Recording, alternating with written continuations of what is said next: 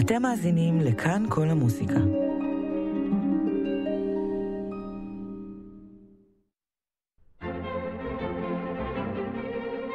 מגזין כאן כל המוסיקה. עורכת ומגישה יוליה צודיקס.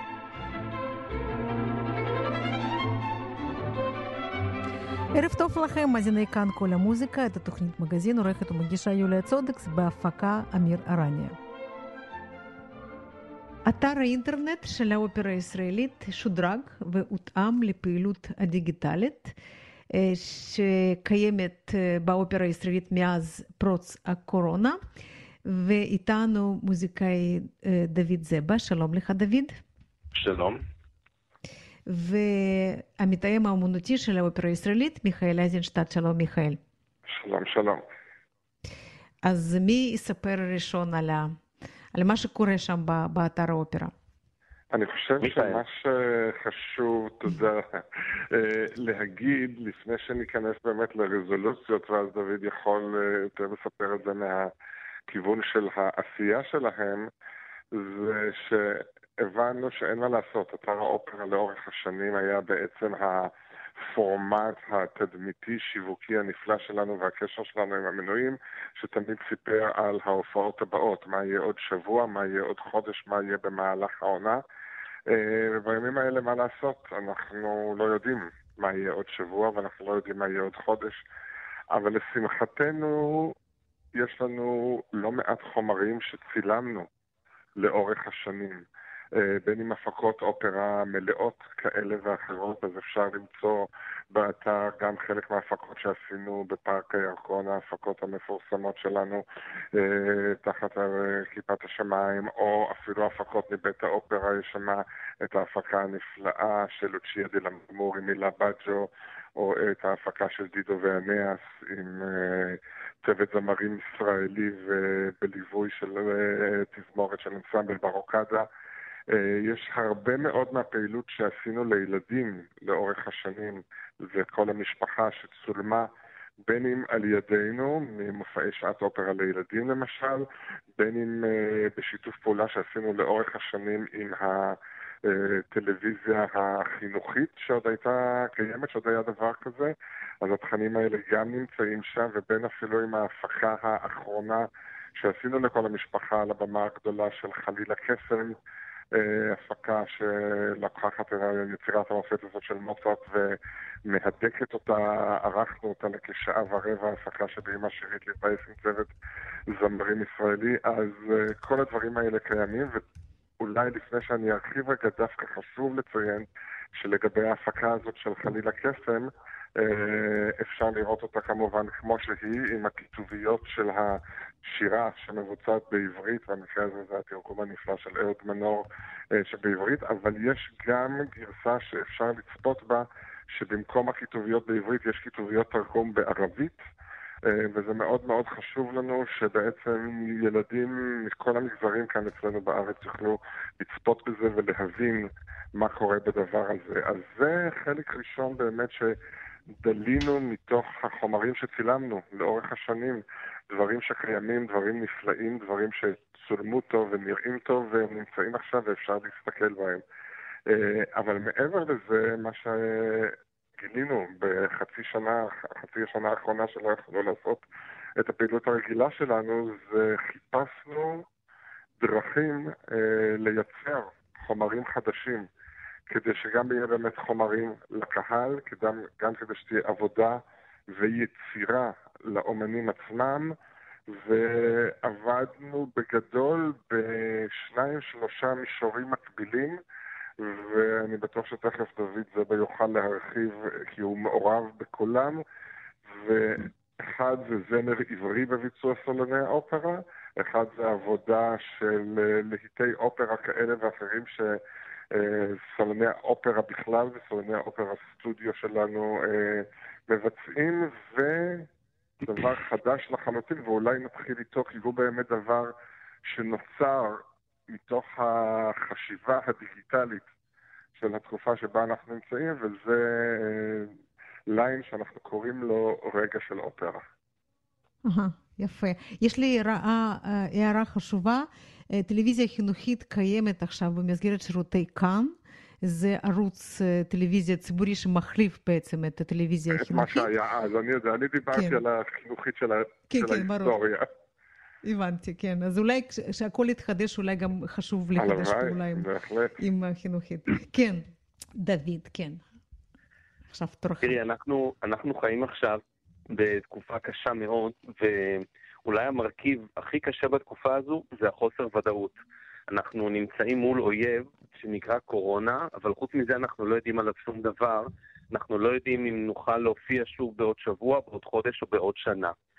וחוסר הוודאות הזאת גורם.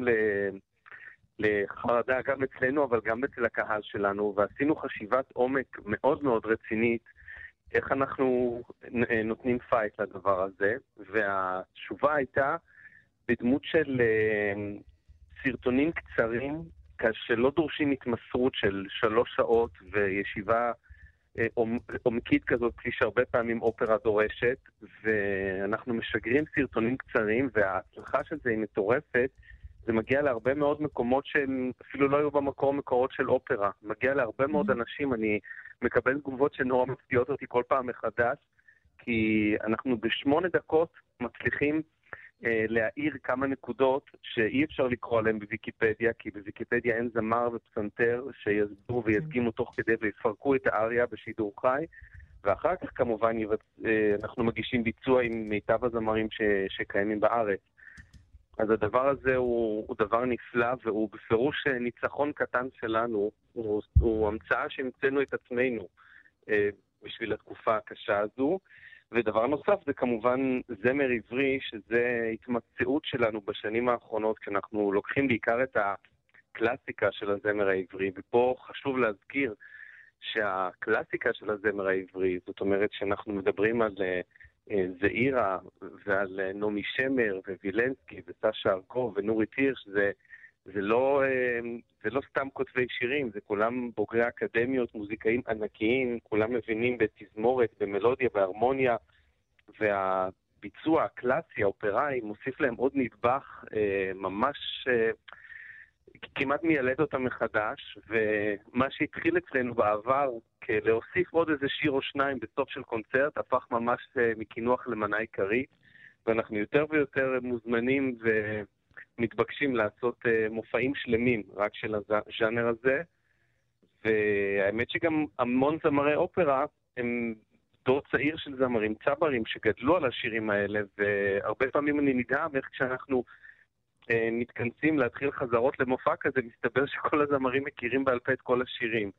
זאת אומרת, אה, זמרים שהם היום בני 30 ו-40, זה ממש זמרים שגדלו על הרפרטואר הנפלא הזה, ומבצעים אותו עם המון הבנה והמון סנטימנט והמון געגועים.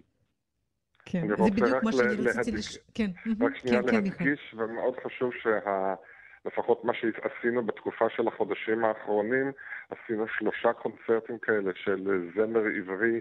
אה, הראשון היה לכבוד יום העצמאות, ואז שבועות, ואז ראש השנה, כאילו מחג לחג, והכל נעשה בשיתוף פעולה הדוק, מחבק ואוהב עם תזמורת סימפונט רעננה, ששני הקונצרטים הראשונים אה, והכל נמצא כמובן באתר האינטרנט, אה, היו עם הרכב כלים מתוך התזמורת, כשדוד אה, שאחראי גם על כל העיבודים כאן במקרה הזה, אה, מנצח ומנגן מהפסנתר, ואת הקונצרט האחרון לראש השנה עשינו כבר עם התזמורת אה, כמעט כולה, כ-30 נגנים על הבמה, וזה שיתוף פעולה נפלא שאנחנו מאוד גאים ושמחים איתו. כן. אני פשוט, אה, דוד, כשסיפרת על, על, אה, על הענפים השונים של הפעילות אה, שלכם באתר, אז חשבתי שאולי הסרטונים הקצרים הם יותר לקהל צעיר, ונגיד הזמר העברי יותר לאנשים מבוגרים יותר, או שזה אין התפלגות כזאת של... אני חושב שממש אין התפלגות כזו, ואת יודעת, אני יכול להפנות אותך אפילו לביקורת שכתב חגי חיטרון על הפינה הזאת, שהוא פתאום התעמק באחד ההסברים שניתנו שם לאחת העלות ואמר, וואו, איך לא ידעתי את זה קודם. זאת אומרת, אה, זה בפירוש, אה, זה בפירוש אה, אנחנו מאירים נקודות, משתדלים כמה שיותר מעניינות ומקוריות, וברור שיש גם צד מיסיונרי בעבודה שלנו, אנחנו תמיד תמיד מקרבים יותר ויותר אנשים לאופרה, אנחנו תמיד מתבדחים על זה שהדבר היחידי שאנחנו עושים יותר מצלילים זה קילומטרים. כאשר ממש כל בוקר יוצאים מיניבוסים אה, אצלנו משלומי ועד עין גדי כדי להביא את בשורת האופרה.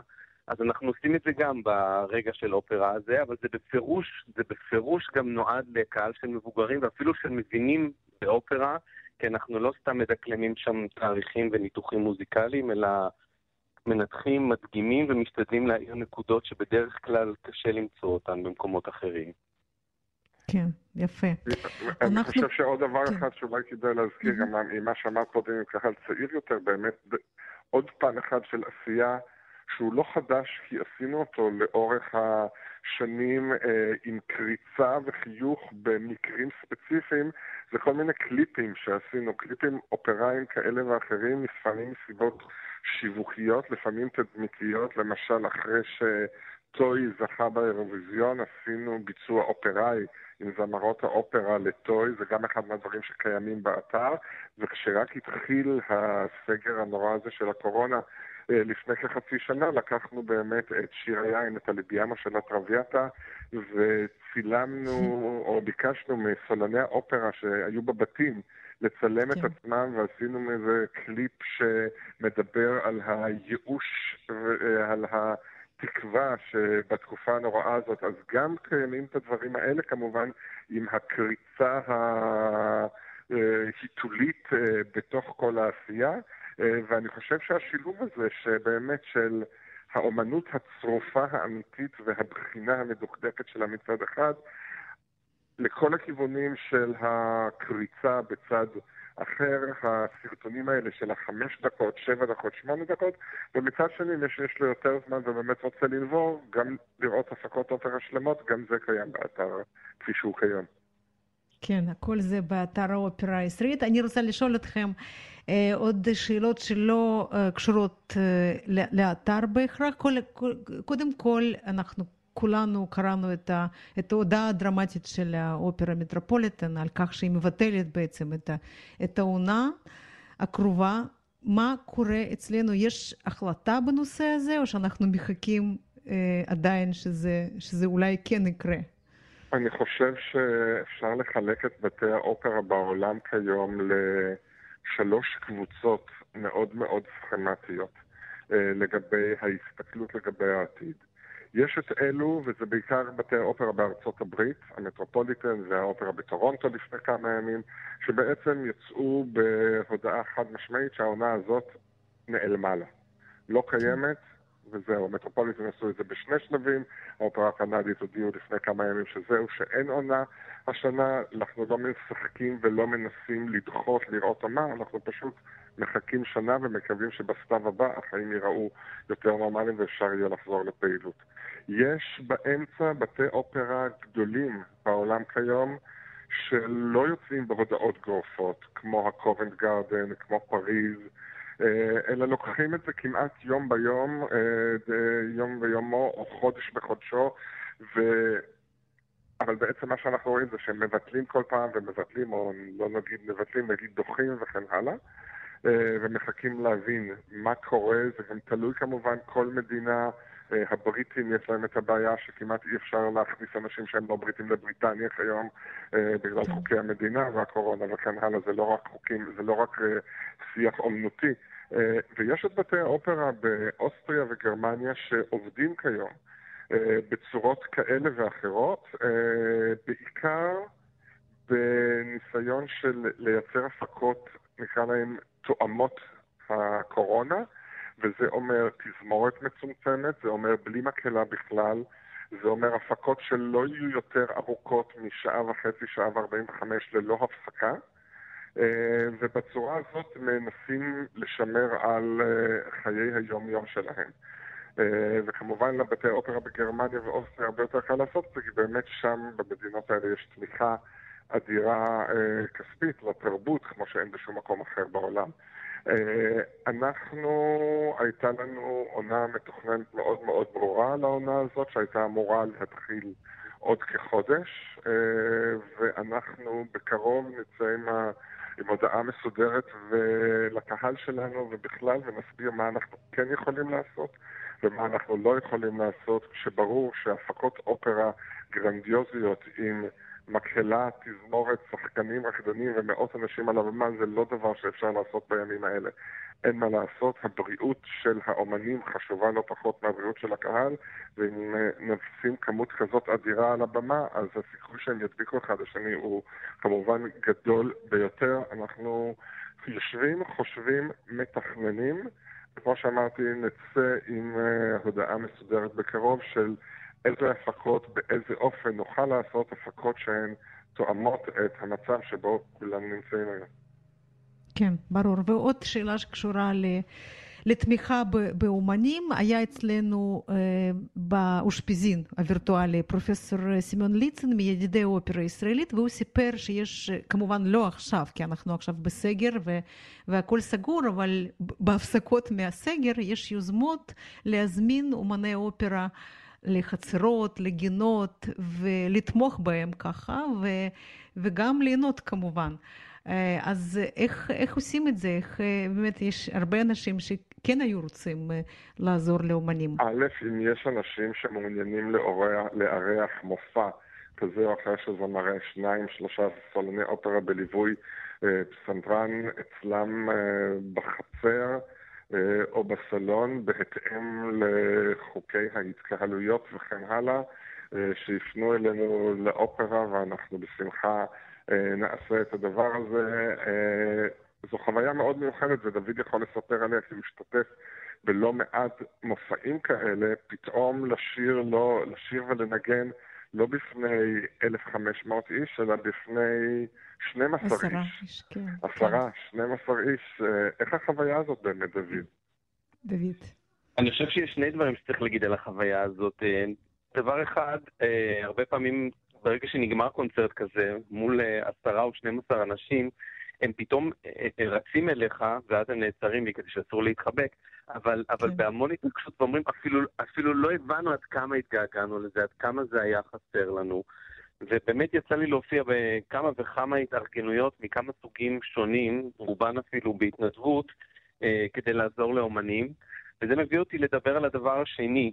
אני חושב שבניגוד אולי לבתי אופרה, כפי שמיכאל הזכיר, בארצות הברית, כל מיני מקומות שאומרים, טוב, אנחנו יודעים להעלות אופרה עם תזמורת של 90 נגנים, מקהלה של 100 אנשים, אנחנו לא יודעים לעשות משהו אחר, כל עוד זה בלתי אפשרי, שלום והכל סגור. לנו אין את הפריבילגיה הזאת, מפני שאנחנו גם נלחמים פה כל הזמן על, על זכות הקיום שלנו, ואנחנו שומעים לפעמים אנשים מלהגים שאומרים דברים נוראים, אה, כמו, הנה, אתם רואים, אז אפשר אה, בלי אומנות, אז אפשר בלי אומנים. אנשים כאילו לא יודעים על מה הם מדברים. זאת אומרת, הם לא מבינים שברגע שאחרי שהם אומרים את המשפט הזה, והם פותחים את הרדיו ושומעים שיר, אז זה כבר מראה שהם לא יכולים בלי אומנות. או באים הביתה ויש להם תמונות על הקירות, אז הם לא יכולים בלי אומנות. ואנחנו צריכים להיות שם באש ובמים, לפעמים בכמויות קטנטנות, לפעמים שמונה דקות, לפעמים רק זמר ופסנתרן. אבל להראות שה, שהאש האדירה הזאת לא, לא, לרגע אחד לא גבתה, וגם אם היא הופכת לפעמים ממדורה לנר, היא עדיין נשארת כל הזמן אש, ואנחנו כל הזמן קיימים, ממציאים את עצמנו מחדש ו... ועושים מוזיקה כמו שאנחנו יודעים לעשות. כן. טוב, חברים, אני מאוד מאוד מודה לכם שדיברתם איתנו, וחג שמח והרבה בריאות. וכן, אני מקווה ש... תודה רבה לך, מקווים שיהיו זמנים אחרים. כן, כן, בדיוק. תודה רבה, תודה, תודה, וחג תודה. שמח. חג שמח. חג שמח. מוזיקאי דוד זבה והמתאם האומנותי של האופרה הישראלית מיכאל אייזנשטט.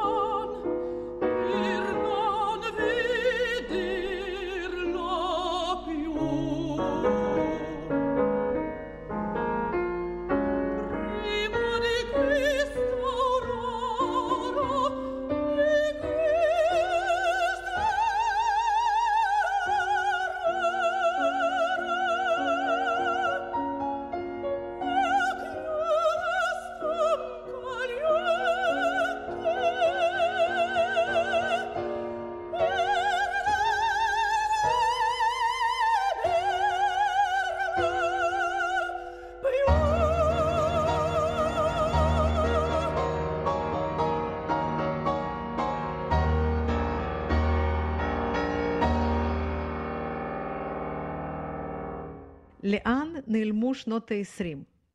זה במקרה הזה מדובר בשנות ה-20 של המאה הקודמת, וזה שם הספר שכתב אה, מקס שט... אה, שטנר, ועליו אנחנו מדברים עם עמיתנו יוסי שיפמן. שלום יוסי. שלום, שלום יוליה. כן, הכותרת משנה כן. לספר הזה היא מת הקברטים בברלין על רקע עליית הנאצים. וזה ספר מאוד מעניין, כי תכף נדבר גם על הקונטקסט המוזיקה, אבל צריך להבין את התקופה. אנחנו מדברים על 15 שנים בעצם, מסוף מלחמת העולם הראשונה, 1918, עד עליית הנאצים לשלטון ב-1933, שהייתה רפובליקת ויימאר בגרמניה, והיא עשתה כמה דברים פוליטיים שהכתיבו כמובן את האומנות מיד אחרי. זאת אומרת, בזמן רפובליקת ויימאר היה אפשר הייתה צנזורה חופשית, יכולת לדבר על מה שאתה רוצה. לא הייתה בעיה להיות הומוסקסואל מוצהר, גם זה קורה שם. בסאטירה, מה שאתה רוצה אתה יכול להגיד, אף אחד לא עצר אותך, לא הייתה, לא הייתה צנזורה, הדברים האלה נעלמו, וזה גרם לפריחה היסטרית של תרבויות קברטים, אה, ו... ובתוך הים הזה של האנשים, כמובן ברלין באותה תקופה הייתה מין מכה של, של, של יוצרים מכל העולם. אני, אפילו אני חושב רק על, על אה, יהודים שהיו באותה תקופה בברלין בשנים האלה, אם זה, אם זה מקס ריינהרד שמיד אחרי זה הלך ופתח את פסטיבל זלצבורג שדיברנו עליו בדיוק זה מאה שנה, אם זה, אם זה צ'רניחובסקי, אם זה עגנון, ביאליק, מרק שגל, שטיינברג, לאה גולדברג, אורי צורי גרינברג, כולם ישראלים, כן, יהודים ישראלים שהיו בברלין לא היו מחוברים בהכרח לקבוצה הזאת, אבל יוצא דבר מאוד מעניין.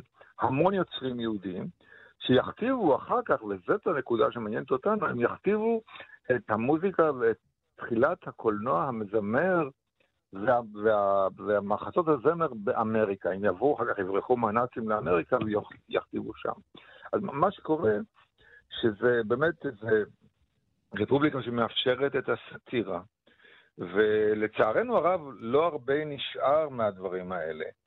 אבל, אבל אז, זה הכתיב אחר כך. אנחנו מדברים גם, שוב, בתוך אמצע התקופה הזאת, כמובן הייתה המפלה הגדולה של הבורסה ב-1929, שהכתיבה שוב משהו. אבל מתוך הדברים האלה יצא קהל חדש. אבל מי זה היו האנשים? למי הם דיברו? מה שעושה שטנר בספר שלו, מין שילוב של אני, שטנר, מסתובב ברלין, מחפש את כל המקומות הקטנים האלה שבהם היו התיאטראות או הקברטים הקטנים, ולתוך זה אני משבץ חומרים שמצאתי, דברים ידועים, דברים פחות ידועים, מי היו האנשים. בסופו של דבר, מה שאנחנו מגלים, למשל, הולנדר, פרידריך הולנדר שכתב מוזיקה נהדרת, או בילי ויילדר, שאחר כך י... כותב שם ואחר כך הוא יביים באמריקה כמובן את חמים וטעים וסרטים אחרים. אריק קסטנר, שאנחנו גדלנו עליו כילדים, על אמיל בבלשים, אבל הוא מתחיל שם. אלדר רסקר שילר שעברה לגור בירושלים אחר כך. הם כולם נמצאים במקום הזה, ואחד השמות הגדולים דווקא לא מוזיקאי, זה היה קורט טוחולסקי, אה, עיתונאי יהודי שבסוף גם התאבד לפני המלחמה, אבל הוא כתב תחת חמישה שמות שונים, וב-1919 הוא כבר ידע שבעוד 20 שנה, כלומר ב-1939, הוא כתב, תהיה מלחמה חדשה. מיד אחרי, שנה אחרי זה, הוא כבר הרגיש מה הולך להיות באוויר, בתוך כל האווירה הזאת. עכשיו, מוזיקלית, אנחנו שם, לצערנו הרב, הרבה הקלטות לא נשארו, אבל מה שנשאר והטביע חותם זה כמובן הסרט המלאך הכחול עם מרלנה דיטריש, שהתגלתה באותה תקופה, היא לא הייתה כל כך מוכרת, אבל התגלתה באותה תקופה. זה בעצם אה, סרט, ש... הסרט המדבר הראשון שיוצר באולפני הקולנוע בברלין אופה, שדרך אגב, הערה קטנה לנו, חנה מרון בשעתה, כילדה, מתחילה, הופיעה באחד הסרטים בתפקיד מאוד קטן, כבר באותם האולפנים. והסרט הזה, לפי רומן שנקרא פרופסור אונרד של היינריק מן, שמספר על פרופסור שהידרדר, התאהב באישה וכולי וכולי, זה הפך ללהיט גדול, וה... והעניין הזה באמת היה, המוזיקה משם הפכה לדבר אה, מוכר, חשוב, והקברטים הקטנים יצרו דפוס של מוזיקה לא רק בגרמניה, אלא בכל העולם. וזאת ההשפעה. עכשיו, הספר הולך צעד אחרי צעד, מקום אחרי מקום, גם בברלין עצמה, גם במקומות אחרים בסביבה. והוא מראה לנו איך הדברים נוצרו ממש בפרדי פרטים. זה 230 עמודים, חומר מרתק, תקופה מרתקת. אני מקווה שמהדברים האלה גם אנחנו נגיע אל המוזיקה שהייתה שם, כי זו באמת תקופה, 15 שנים בסך הכל, והם השפיעו 100 שנים קדימה ויותר. מי, מי האיש? מי, מי, מי המחבר? תראי, הוא, הוא לא, הוא חוקר, הוא, זה לא התחום העיקרי שלו, הוא חוקר, הוא בכלל לא בתחום, אבל הוא עשה את זה, אני חושב כתחביב בעיקר, אבל התוצאה היא תוצאה מרהיבה. ו... וכיף לקרוא, אה, ספר שאתה באמת מאוד מומלץ. אה, אנחנו, כן. לא הרבה יש לנו התקופה הזו, יש כמובן דברים, ציורים מפורסמים ומוזיקה מפורסמת. וכמובן, מי שצריך להזכיר, ולא אמרתי עד עכשיו, זה הצמד ברכט ווייל. כי ברכט התחיל שם בתקופה הזאת וליווה את עצמו בשירה. ואחר כך קורט וייל מתחיל לכתוב יחד איתו, ואמן אופרה בגרוש, הכל קורה בתקופה הזאת. זו התקופה, תקופה ממש מרתקת, וזה מתחיל באמת, אה, מערב פרוע של ברלין, אחד הפרקים נקרא, וההתחלה הוא, הוא הולך איתנו צעד צעד, הוא הולך איך שהמודל הזה בעצם, הוא חיכה משהו בפריז, העביר את זה לברלין, וברלין הייתה המקום שבו זה פורח. אם אנחנו מסתכלים על ברלין היום, אנחנו שוב רואים את ברלין פורחת, בקונטקסט כן. אחר. אבל זאת התקופה, ובאמת לעבור אחרי כל השמות, אחרי התחושה הזאת של, של המותר הכל, ובתוך זה לאט לאט הנאצים מסתכלים על הדברים האלה ולומדים איך להשפיע על קהל, איזה טכניקות להשתמש, וזה די ביזארי לחשוב שהמפלגה הנאצית לקחה רעיונות מתוך אותם קברטים, מתוך אותם אמנים, והפכה אותם לנשק נגדם. אחר כך, כמובן שברגע שנאצים היו שלטון, כל הסיפור הזה נעלם כמו שהוא היה, נגמרה רפובליקת ויימר, נגמר החופש, ו... וזה... והכל נגמר. כן, הכל נכון. כן. אבל זה מרתק לקרוא, זה מרתק בכל השנים האלה. ו... מה, מה שאנחנו רואים בסרט המפורסם, קברט, זה תקופה קצת יותר מאוחרת? זה זו, זו אותה תקופה. אבל זה, אבל זה כבר כן? פרפרזה אנגלית, תראי. ברור. התחיל הג'אז בברלין באותה תקופה, התחיל, התחילו העניין הזהות, הזהות המינית הזאת והאחרת. היו קצת דברים של יידיש בתוך הסיפור הזה, גם זה קורה. זאת אומרת, יש לנו עולם שלם, כאילו בכל פינה יש קברט, אבל כשמסכמת את כל הדברים, את נוסעה להיות מה בעצם קרה, אז היהודים מייצרים הומור על יהודים, ומי שצופה בהם זה גרמנים. עכשיו, היהודים יכלו להגיד, אחד השירים הכי מפורסמים, זה היה היהודים אשמים בכל, אבל זה יהודי כתב ליהודי. כן. מזג אוויר לא טוב, היהודים אשמים, זה לא טוב, היהודים אשמים. עכשיו, כמובן שזה יהפוך מיד למשהו אנטישמי, אבל בזמן הזה היהודים כתבו והרשו לעצמם באמת כל דבר, והתוצאות מרהיבות. זאת אומרת, אתה, אתה עובד, אתה עוקב אחרי כל התהליכים האלה, והוא עושה, עושה את, העבור, את, המעקב הזה טוב מאוד, וכמובן שהוא מביא, מביא אותנו בסוף מברלין להוליווד, ולראות איך הדברים האלה השפיעו על תרבות המחזמר וכולי וכולי. מרתק. יופי. לאן נעלמו שנות ה-20? יוסי שיפמן, תודה רבה לך, חג שמח. חג שמח, יוליה.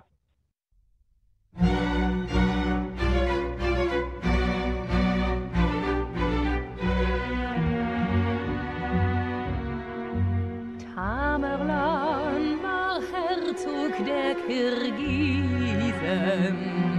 Und jeder Mensch in Asien wusste wohl das. Tamerlan ritt über grüne Wiesen. Und wo der Junge einmal hintrat, wuchs kein Gras. Frauen lauschten angstvoll seinen Schritt.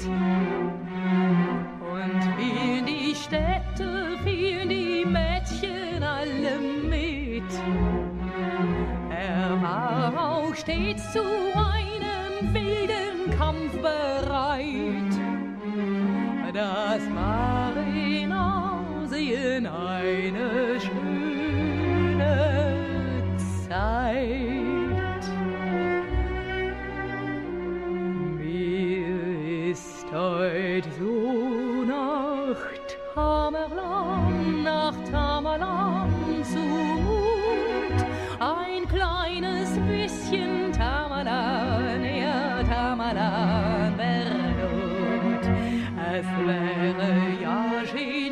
Mich das, geniert mich das gelobt. Ich glaube, es passiert noch was, passiert noch was heute Nacht. Mir ist heut so nach Tamerlan, nach Tamerlan zumut.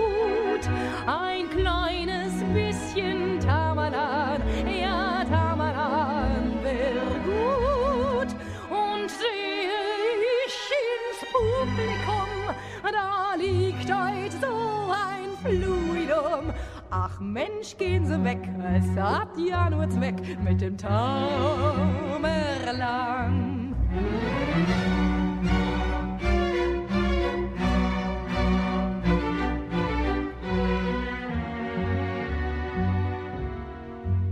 Tamerlan, mein liebes Kind, ja Kuchen. So einen Tamerlan, den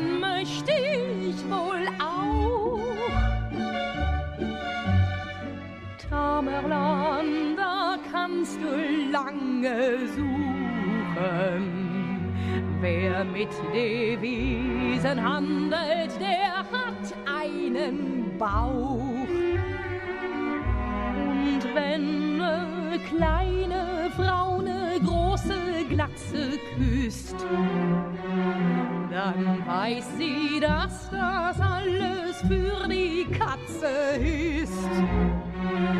Du suchst dir hier vergeblich einen Tamerlan. Nur guck mal runter, sieh sie dir mal an.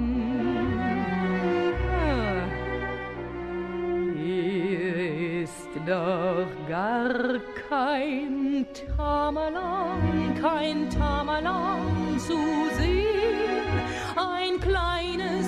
Bisschen Tamerlan, ja Tamerlan wär schön. Seh ich mir hier die Männer an, die Männer an, ei boy, da ist ja gar kein Tamerlan, kein Tamerlan dabei.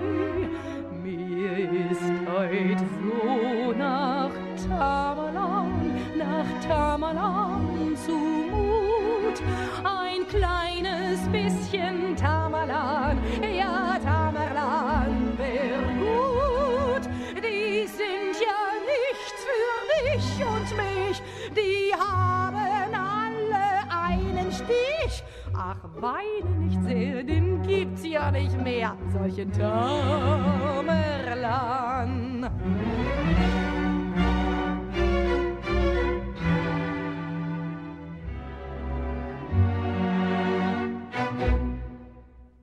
הקונסרבטוריון למוזיקה אקדמה באשדוד עבר ללימודים אונליין, כולל שיעורים פרטניים, מקהלות ותזמורות. איך כל זה עובד? עם השאלה הזאת אני פונה לינינה קודליק, המנהלת של הקונסרבטוריון אקדמה. שלום ינינה.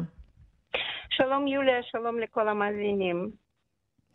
עשינו שיעורי. בית. אני הבנתי את השאלה שלך, זו השאלה שנשאלת כל הזמן. אה, כי בתקופה של הסגר ראשון, אז אה, אני קוראת לזה הסגר ראשון ועכשיו זה סגר שני, אז אה, אנחנו עבדנו אונליין חלקית, ורק מורים אה, שלימדו פרטני. וגם לא כל הצוות כמובן, כי יש לנו, זאת אומרת, די הרבה מורים, אה, הצוות שלנו עד 60 מורים בכל מיני מקצועות, אה, שזה אה, כלים אינסטרומנטליים ופיתוח קול. וכמובן שיעורים קבוצתיים, אז אה, בסך הכל רק אה, חלק מהמורים שהם בעצם יותר צעירים ויותר שולטים בכל מיני אמצעים אלקטרוניים והצליחו ללמד אונליין. לכל השאר, אנחנו, היה לנו את התקופה של קיץ, של חודשי יולי-אוגוסט, ואנחנו אה, הצלחנו להשלים את כל השיעורים.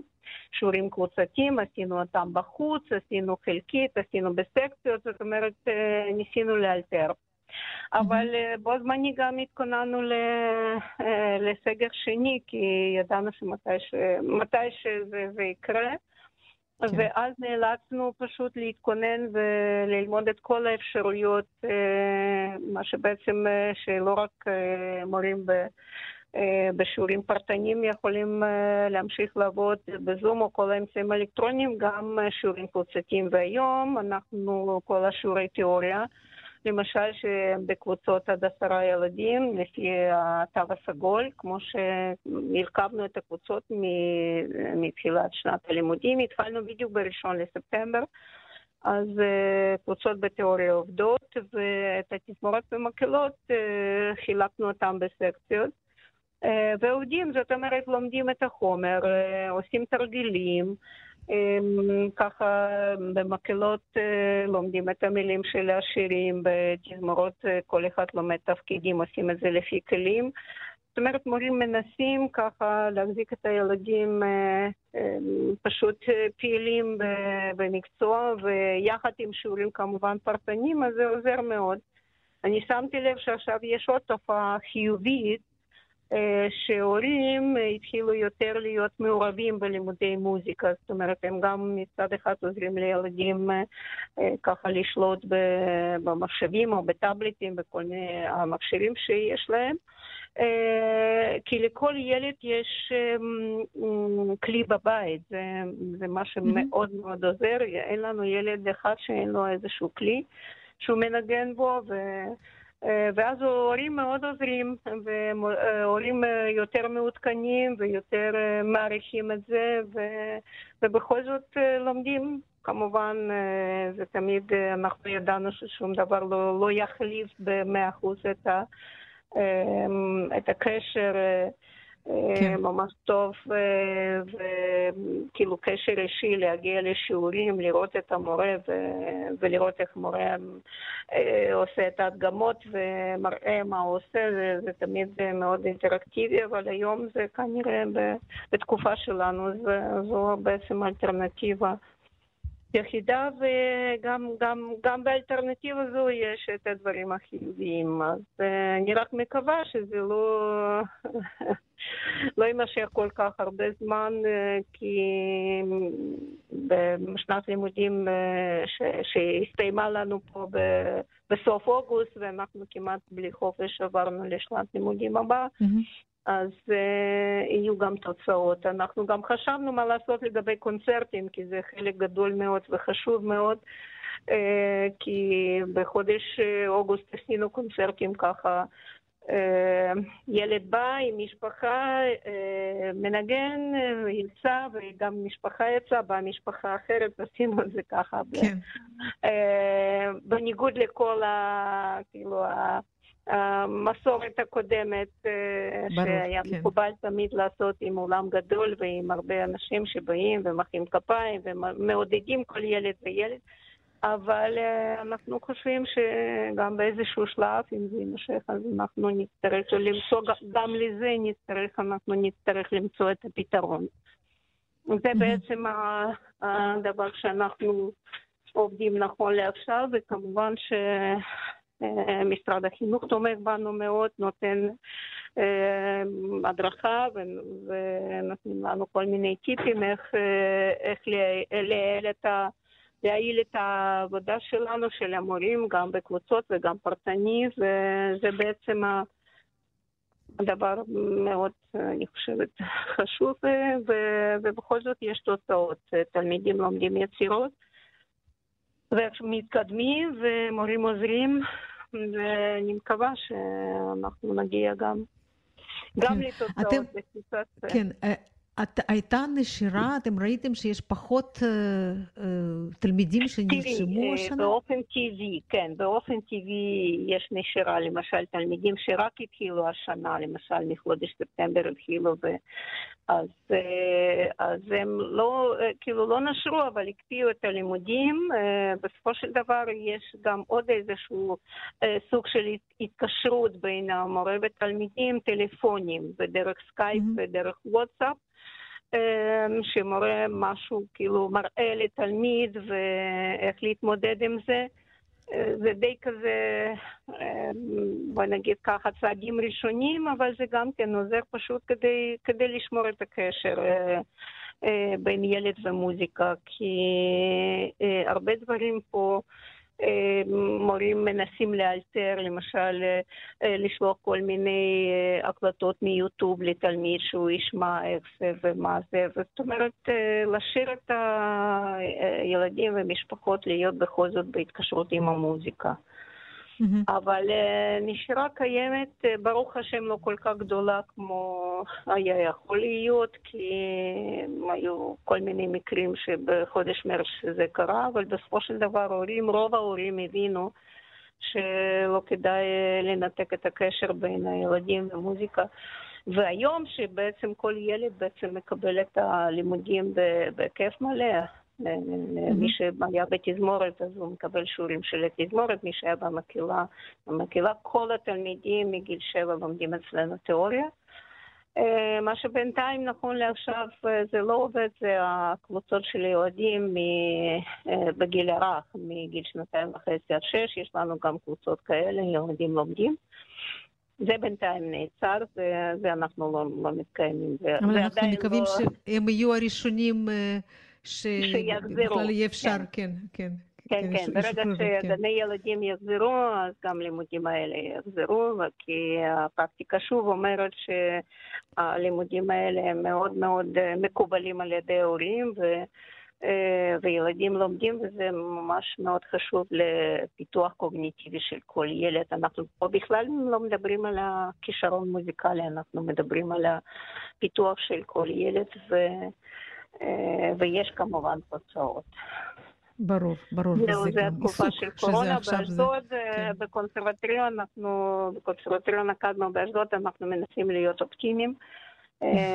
ולהסתכל קדימה בכל זאת בצורה חיובית, כי כל עוד ילדים ממשיכים ללמוד והורים מבינים עד כמה שזה חשוב שילדים יקבלו את החינוך מוזיקלי, שוב, בהדרכה מקצועית, אני מדגישה את זה תמיד. ברור. אז, אז זה, נותן את ה, זה נותן את החמצן לנשימה, אני כן. ברור. אני, אני, אני, אני הבנתי שהקושי הגדול הוא היה, לפחות היה, אצל, אצל המורים דווקא, כן? כי הם, כי הם כן, לא רגילים כן, כן, כן, להעביר את השיעורים ככה.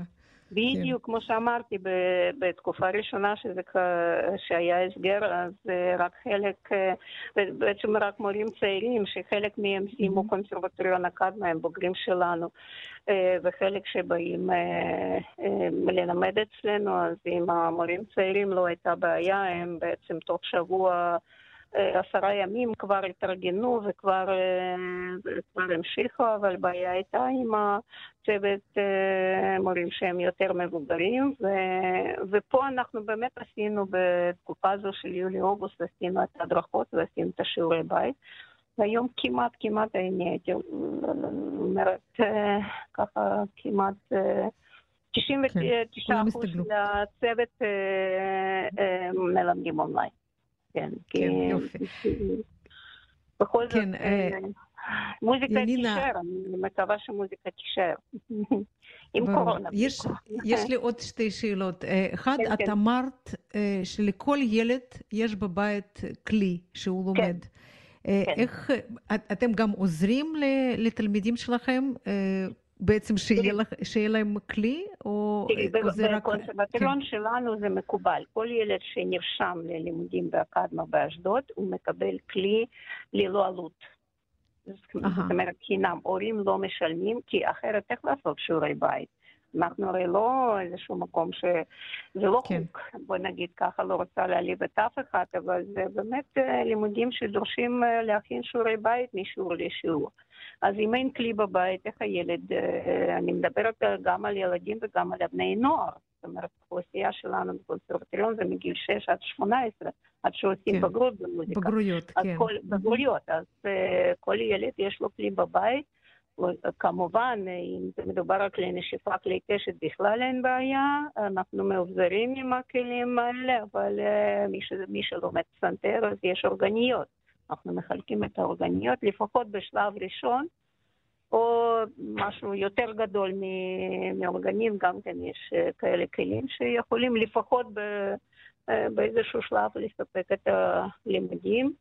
אמ, כן. וזהו, יש לנו גם אה, אמ, די הרבה מקרים כאלה שמישהו תורם פסנתר, אז אנחנו נותנים את הפסנתר לילד. אה, אז גם כן, אה, זה תלוי, אבל אה, אין לי אף ילד שנשאר בבית בלי כלי. וזה, כן. באמת עוזר, כי אם לא, לו לא היה את זה, אז היינו יכולים ללמד? ברור, כן, זה חשוב. כן, אבל גם פיתוח קול מצליחים ללמד בזום, אמנם זה לא, לא כל כך פשוט, אבל עם כל התרגילים, עם כל השיעורי דיקציה, שיעורי נשימה, שיעורי פיתוח קול, אפשר עוד להגיד, למדנו, לומדים. כן, ברור. לא, כאילו, פשוט, אה, ברור שלילדים אולי הם קצ- קצת יותר רגילים לכל המרחב הזה, האונלייני, שהם הם הם פשוט מרגישים שם נוח יותר, אז אה, כן, וגם קולטים מהר יותר, מסתגלים. אני רוצה לשאול אותך על, ה- על תחרות אה, פסנתר אה, לתמיד. פסנתר לתמיד, ש- כן. שבדרך כלל מתקיימת ב- בימי חנוכה, אנחנו לא כל כך רחוקים מחנוכה, אבל אנחנו רחוקים מאוד מבחינה של, של הקלות וזה, ואתם חשבתם מה, מה יכול להיות עם, ה- עם התחרות? תראי, נכון לעכשיו אף אחד לא ביטל. אה, אנחנו ממתינים אה, תשובה, אם תהיה תחרות, אני מאוד מקווה שתהיה, כי יש תמיכה ממשרד התרבות, וכמובן עיריית אשדוד אה, תומכים. בתחרות פסנתר לתמיד. אני חושבת שתחרות תתקיים, אולי לא בפורמט הרגיל שוב, אנחנו לא יודעים מה יהיה המצב, אבל אם מצב, בוא נגיד, אם לא יהיה סגר מלא, אז תחרות תהיה. זה בטוח. אוקיי. אה, איך אנחנו נעשה את זה? יכול להיות שנעשה את זה כמו שעשינו מבחנים עכשיו בקרן שרת, שיבוא רק צוות אה, בוחנים וכל אחד מהמשתתפים ייכנס ויצא. יכול להיות שזה גם, יכול להיות שנעשה עוד משהו, איזשהו שלב פרלימינרי בזום, יכול להיות שיש יש כל מיני מחשבות ו- ורעיונות על נושא, אנחנו ממתינים אחרי החגים, בעצם שבוע הבא כבר אה, תהיה תשוב- תשובה איך אנחנו נעשה, ויש כמה וריאנטים באיזה פורמט זה יהיה. בכל מקרה, כל התנאים של תחרויות הקודמות הם, הם נשארו נכון לעכשיו, אנחנו לא עשינו שום שינוי, ואנחנו מקווים שבכל זאת בחנוכה זו תחרות כבר תהיה מספר 12, זה בכל זאת יש. היסטוריה ויש מה שנקרא מסורת, טרדיציות, ואנחנו מאוד היינו רוצים בכל זאת לקיים את זה. כי יש ברור. הרבה פסנתרנים שמחכים, את יודעת, היום הרבה, אה, זאת אומרת, כולם יושבים בבית, מה עושים? מתאמנים. מתאמנים, כן. מתאמנים, כן, כן, כן, מתאמנים, וזה זה נותן, אה, מתאמנים, מקליטים, שולחים את זה למורים, ובכל זאת זה נותן את ה... אה, שוב, זה, זה יש מוטיבציה ויש ביקוש, וברגע שיש ביקוש ומוטיבציה, אז אנחנו, אה, אנחנו נצטרך לעמוד בזה. אני חושבת, ש... חושבת שהתשובה תהיה אה, חיובית, שתחרות כן תהיה, מה שכן, אנחנו פשוט ממתינים. להחלטה רשמית של אה, עיריית אשדוד. אה, כן, ברור. טוב, אנחנו כן, נאחל ובאיזה לכם פורמט. הצלחה. כן, כן. כן. ברור. נאחל הצלחה וחג שמח ובשורות. טובות ובריאות. בריאות. בריאות, כן. טובות. תודה רבה לכל המאזינים, בריאות, בשורות טובות וחג שמח. חג שמח. תודה להתראות. רבה. להתראות.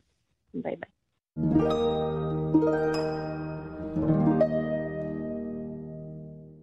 הסטודנטים מהפקולטה לחינוך מוזיקלי מתנדבים להעביר שיעורי מוזיקה לילדים במהלך החופשה, במהלך הסגר, ואיתנו מורן גפן, מדריכה פדגוגית במחלקת אה, חינוך מוזיקלי, מכללת לוינסקי לחינוך. שלום מורן. שלום. אז uh, בעצם התחלתם כבר בחופשת פסח, ועכשיו גם ממשיכים בחגי תשרי, וכנראה תמשיכו גם אחר כך, כי בינתיים לא נראה סוף לכל הדבר נכון הזה. מאוד, נכון מאוד. אנחנו נמשיך גם אה, ברגע שתיגמר חופשת סוכות.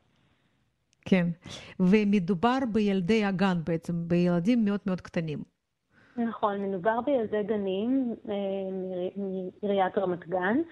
אה, אנחנו לקחנו עלינו כ-12 גנים אה, מגני העיר ברמת גן, ובעצם הסטודנטים שלנו בהתנדבות מלמדים שם, ילמדו פעם בשבוע, ביום קבוע, בשעה קבועה, שיעורי מוזיקה. מהמם. ד- כן, לא- לא אמרנו את זה, אבל זה כמובן הכל אה, מתרחש ב- בזום, לפחות בינתיים, נכון? זה, כאילו, זה- נכון, הכל בזום. אה, כן, הגנים סגורים, ולשמחתנו באמת עלה הצורך מהשטח, מהגננות, מההורים וגם מהילדים, אחרי התוכנית שנעשתה בעצם בפסח שעבר, בסגר הראשון, וזה נורא חסר להם. והם פנו, פנו אלינו עכשיו פעם נוספת ואמרו שהם אה, רוצים שוב מפגשים מוזיקליים, מחכים לשיעורי המוזיקה. והסטודנטים שלנו ממכללת לוינסקי באמת אה, הרימו את הכפפה והתנדבו, זה לא חלק אה, מהשעות ההתנסות והעבודה המעשית שלהם, והם באמת רואים בזה שליחות. ואנחנו... כן. ואנחנו כולנו יודעים איך, אה, כמה קשה ללמד אה, ילדים קטנים, אה, כמה קשה ללמד מוזיקה לילדים קטנים, ופה יש עוד מכשול, שזה לא בעצם שיעור, שיעור פרונטלי, זה שיעור דיגיטלי, ואיך בכלל מחזיקים את, ה, את הילד ליד המסך? אה, קודם כל, דואגים שההורים יכתבו את השמות של הילדים, ופונים אל הילדים בשמות שלהם, ומנסים ליצור גם בדרך הזום בעצם את האינטראקציה, האינטראקציה האישית. מברכים לבוקר טוב קודם כל, שרים, אז נכון שהילדים על מיוט ואנחנו מתמודדים גם עם אה, דיליי, אבל פונים לילדים, מבקשים מהילדים להציע את הרעיונות שלהם, תנועות שלהם, מקשיבים לילד כל פעם, לילד אחר פותחים לו את המיקרופון ושומעים אותו שר, או שומעים אותו מקיש את המקצב, ובעצם ככה מנסים אה, ליצור את הקרבה ואת האינטראקציה הזו, ולמשוך אותם בעצם לפעולה ולעשייה המוזיקלית. כן. כמה ילדים משתתפים במיזם הזה? אה, בערך כ-60 ילדים. מהמם. נכנסים כן, בערך וכמה 60 ילדים, זאת אומרת, זה יותר ילדים בסך הכל עליהם הפנייה, אבל נכנסים בערך 60 ילדים לשיעורים. כן. טוב, אה, זה מאוד יפה, ואני מאחלת לכם הצלחה. תודה תודה שדיברת רבה. איתנו. מורן גפן, מדריכה פדגוגית במחלקת חינוך מוזיקלי, מכללת לוינסקי לחינוך. תודה וחג שמח, תודה בהצלחה. לך, להתראות, חג שמח. להתראות. וכאן אנחנו מסיימים את תוכניתנו להיום. יוליה צודקס ואמירה רניה מאחלים לכם סוף שבוע נעים. נשתמע בשבוע הבא. להתראות.